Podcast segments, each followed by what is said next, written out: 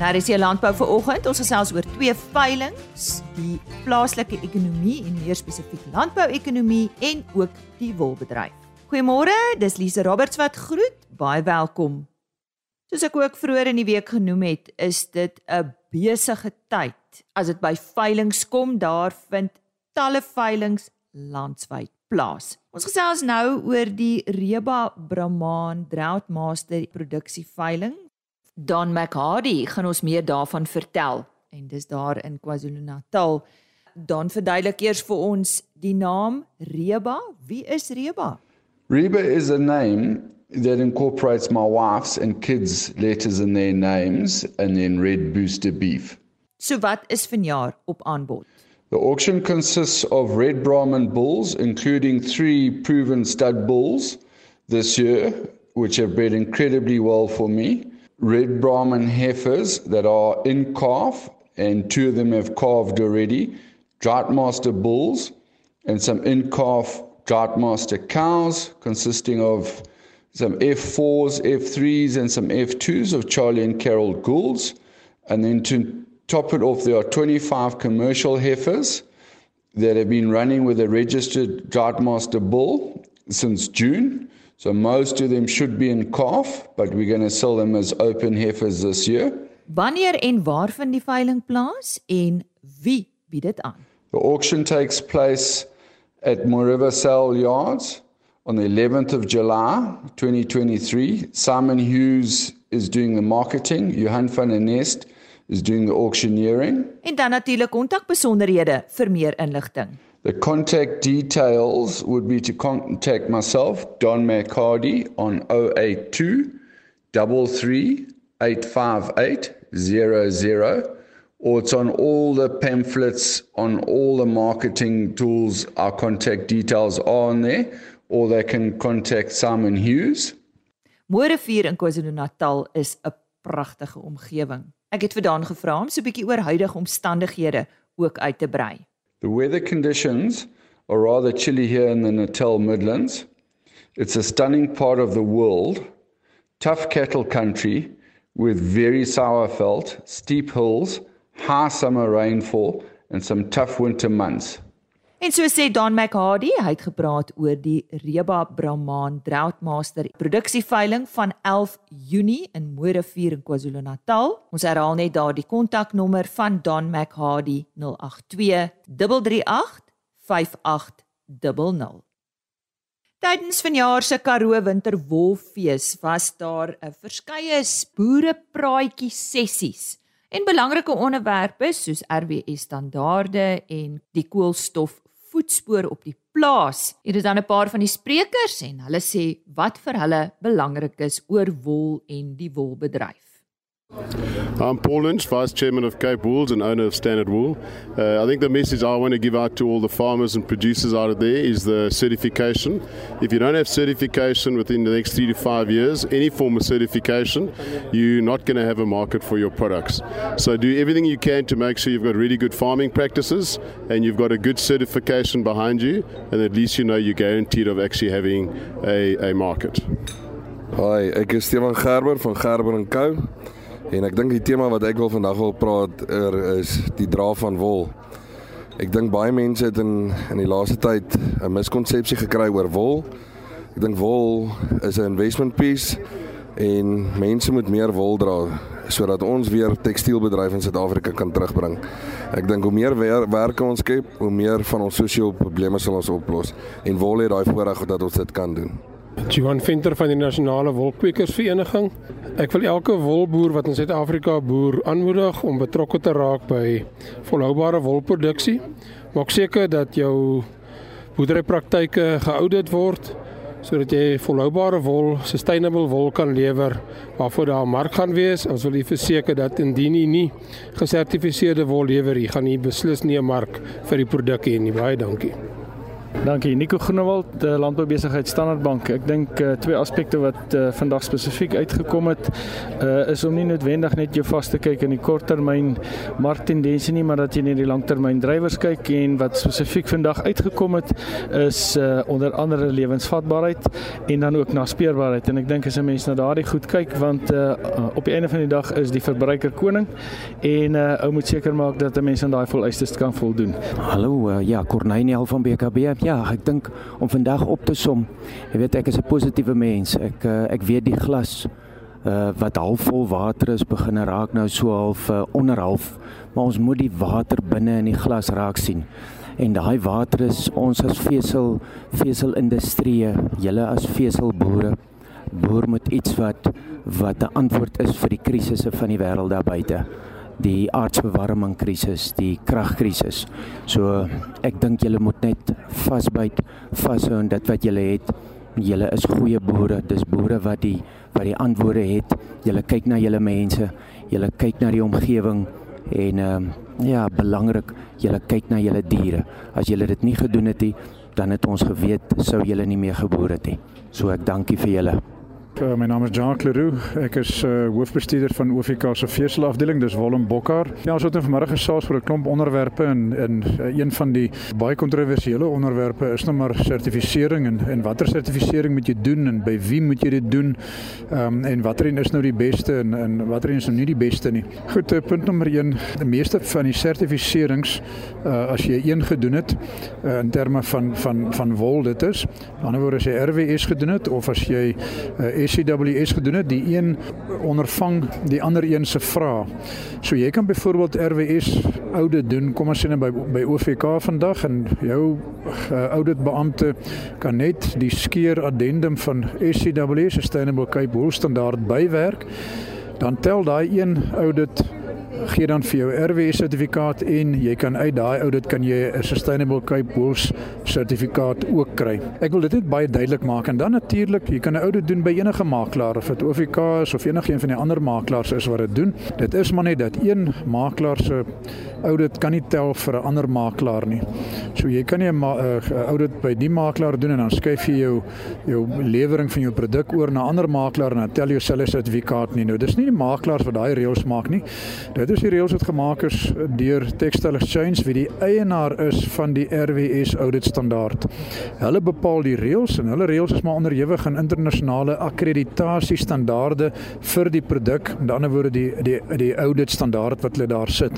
Hulle word uh, ook maar deur hulle regulasies en dit wat internasionaal aanvaarbaar is gedwing om hier volgens dan nou op te tree. Uh, daar word gewerk op die stadium uh, deur Textile Exchange na 'n uh, eenvormige audit standaard vir natuurlike vesels. Dit sal natuurlik nou uh insluit uh, wol, bokkar, alpaca ensovoorts ensovoorts. Maar die toekoms is dat hou net een standaard gaan hê. Daar dan nie onderskei gaan word tussen RWS en RMS byvoorbeeld nie. En hopelik daarbey kan Sustainable Cape Wool standaarde dan ook in die toekoms ingesluit word. Hallo Sabrina Moelman, ek is 'n koolstofanalis en projekbestuurder vir Nature Blocks. Ek uh, wil alle boere bemoedig om navorsing te gaan doen oor koolstofkrediete. Dit is nie net meer 'n trend of 'n buzz nie, maar dit is 'n realiteit vir Suid-Afrika ook en wat dit behels is dat boere moet Boere moet gaan kyk wat doen hulle op hulle plase, wat kan hulle addisioneel doen, wat kan hulle doen om 'n beter toekoms te doen, 'n beter sustainable legacy te los vir die volgende generasies en dit kan gedoen word deur addisionele plantasies, vermindering van koolstofvoetspoor en om voetspoor te meet is is 'n baie komplekse proses, maar ek sal almal bemoedig om te begin met dit voordat dit 'n wet word in Suid-Afrika en ons agterraak met dit. Dit gaan boere baie finansiëel help en ook vir die generasies wat volgende kom om beter te kan boer. Dis dan uh, nuus oor 'n paar onderwerpe wat uh, aangeraak is tydens vanjaar se Karoo Winter Wolfees daar op Middelburg so 'n week of wat gelede. En nou praat ons oor nog 'n veiling. Dis 'n Sherelay veiling van Lourens Viljoen. Dit is wel by die Vryburg skougronde, maar hy sê vir my is daar van die Klokkolane omgewing. Lourens, vertel vir ons, uh hoe lyk omstandighede daar by julle? Goeiedag Lisa.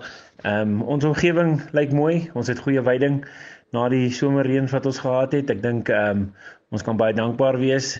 Dit dit het maar sy uitdagings rondom om die graan af te kry van die lande af. Maar maar ons het genoeg kos vir ons diere en daaroor is ons ongelooflik dankbaar. En so 'n bietjie meer oor Louko Charolais? Lisa ja, ehm um, Louko Charolais kom al 'n geruime tyd. Ons het ons ontstaan in 2005 gehad. Ons het met 'n passie en 'n doel die die die Charolais stoet begin. Ons het ehm um, vandag kan ons met met trots sê ons het die ons het die grootste Charolais stoet in Suid-Afrika. Ons hou hierdie jaar ons 11de produksieveiling in in Vryburg.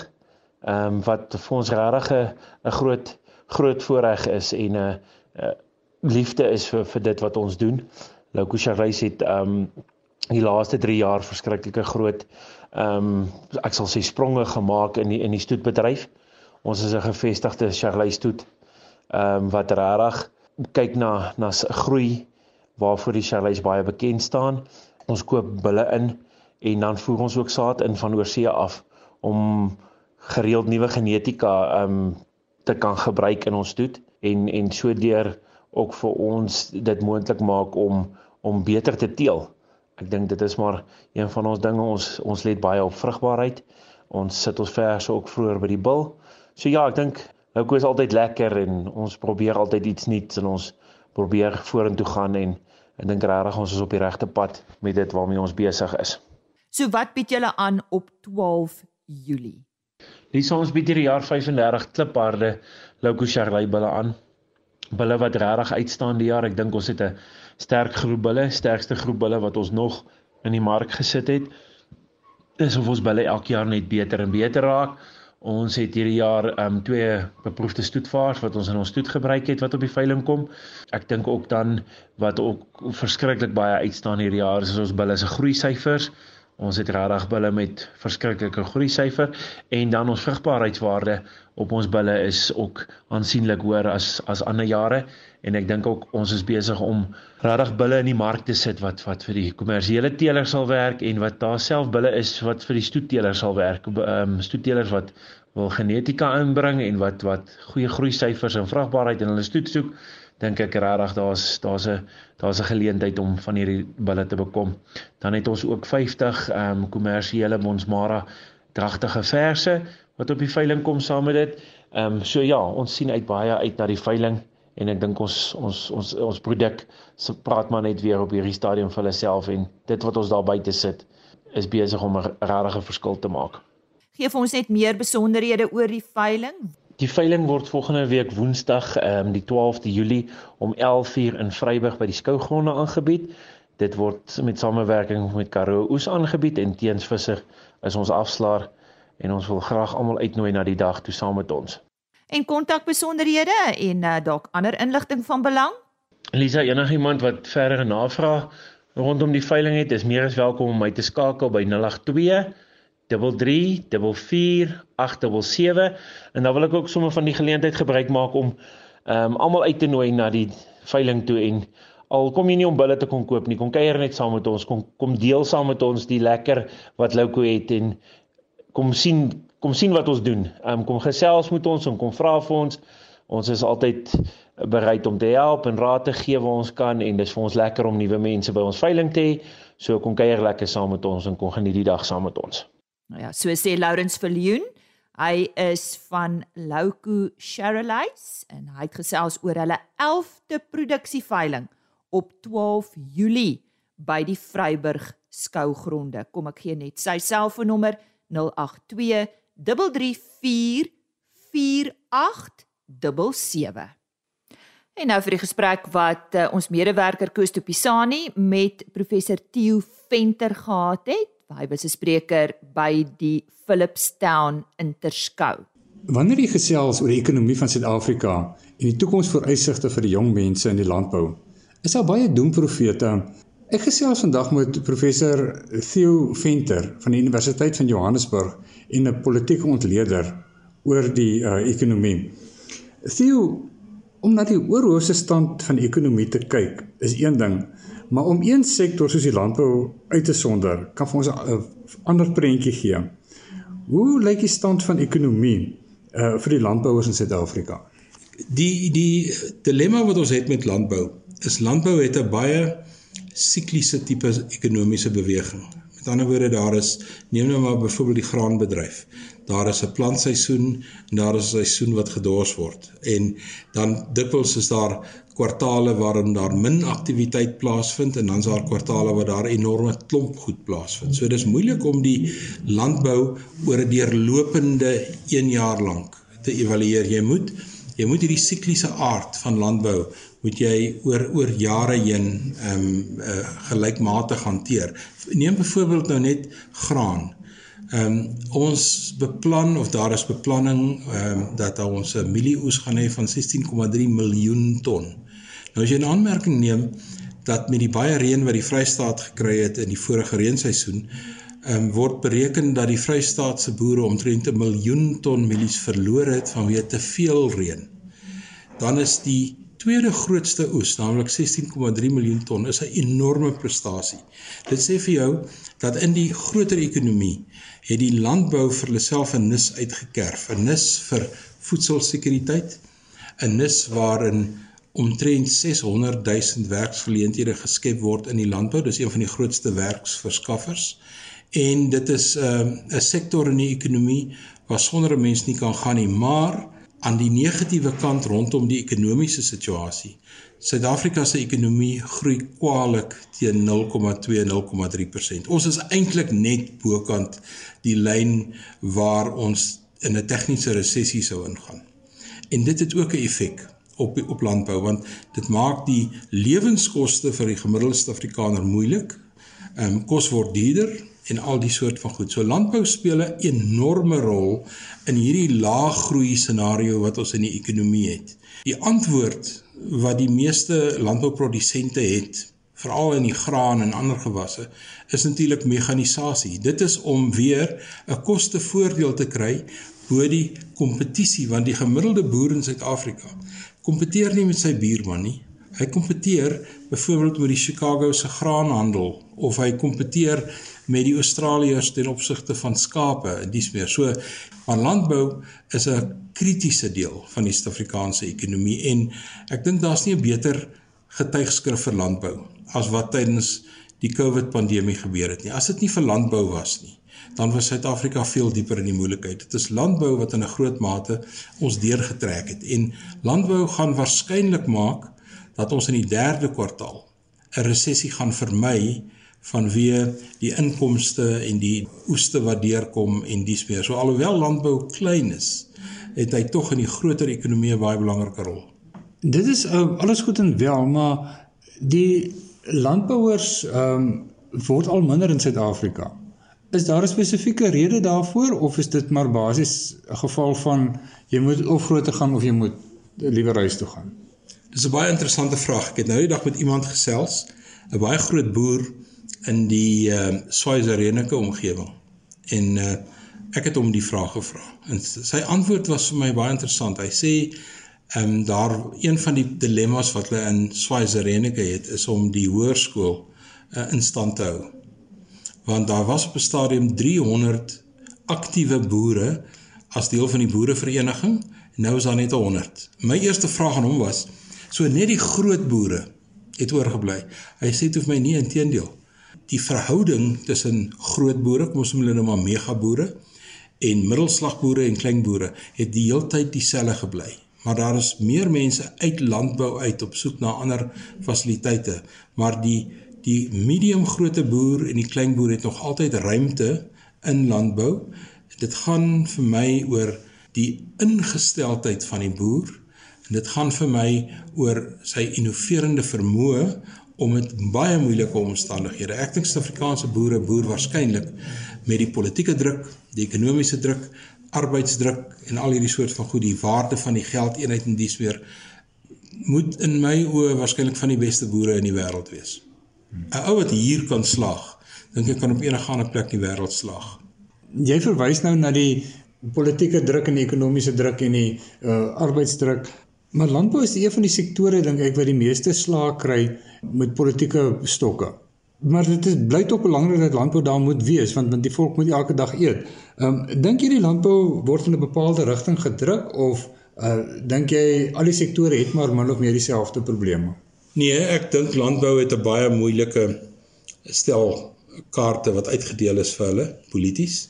En ek dink dit het baie te doen met die ANC se beleid met betrekking tot uh, landelike ontwikkeling, die ANC se beleid met betrekking tot grondhervorming en die ANC se persepsie dat boere um, oor die algemeen wit is en hulle is nie alleen wit nie, maar hulle is ook uiters bevoordeel. So hulle hulle sit met 'n baie skiewe persepsie en een van die versoeke wat ek gekry het uit hoofde van die werk wat ek doen in Noordwes um, met betrekking tot 'n um, landboustrategie binne die konteks natuurlik nou van die meesterplan wat nasionaal ontwikkel is en dies meer.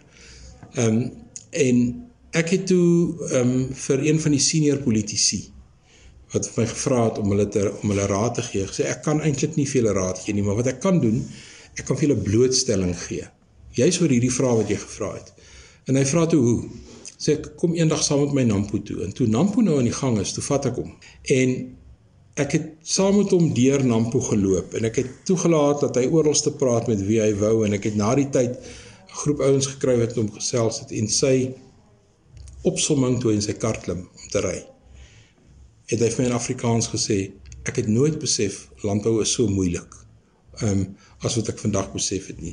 So ek dink die blootstelling wat ehm um, politici het aan die werklike aard van landbou en wat die landbou in werklikheid bydra. As 'n mens nou kyk wat gebeur in lande soos die FSA en Duitsland as net twee voorbeelde, dan word ehm um, landbouprodusente gesubsidieer om die platteland bevolk te hou. Hulle word betaal om te bly in die klein dorpies. Ehm um, ons regering doen dit nie. Ehm um, dit is eintlik maar die die innovasie van individuele boere en boereverenigings en georganiseerde landbou wat maak dat klein dorpies tog funksioneer want dit is hoofsaaklik landbou wat hulle aan die gang hou. Ehm ek dink die regering is is daar's ernstige noodsaak vir die regering om om die strategie rondom landbou te herbekyk veral met betrekking tot die ontvolking van die platteland.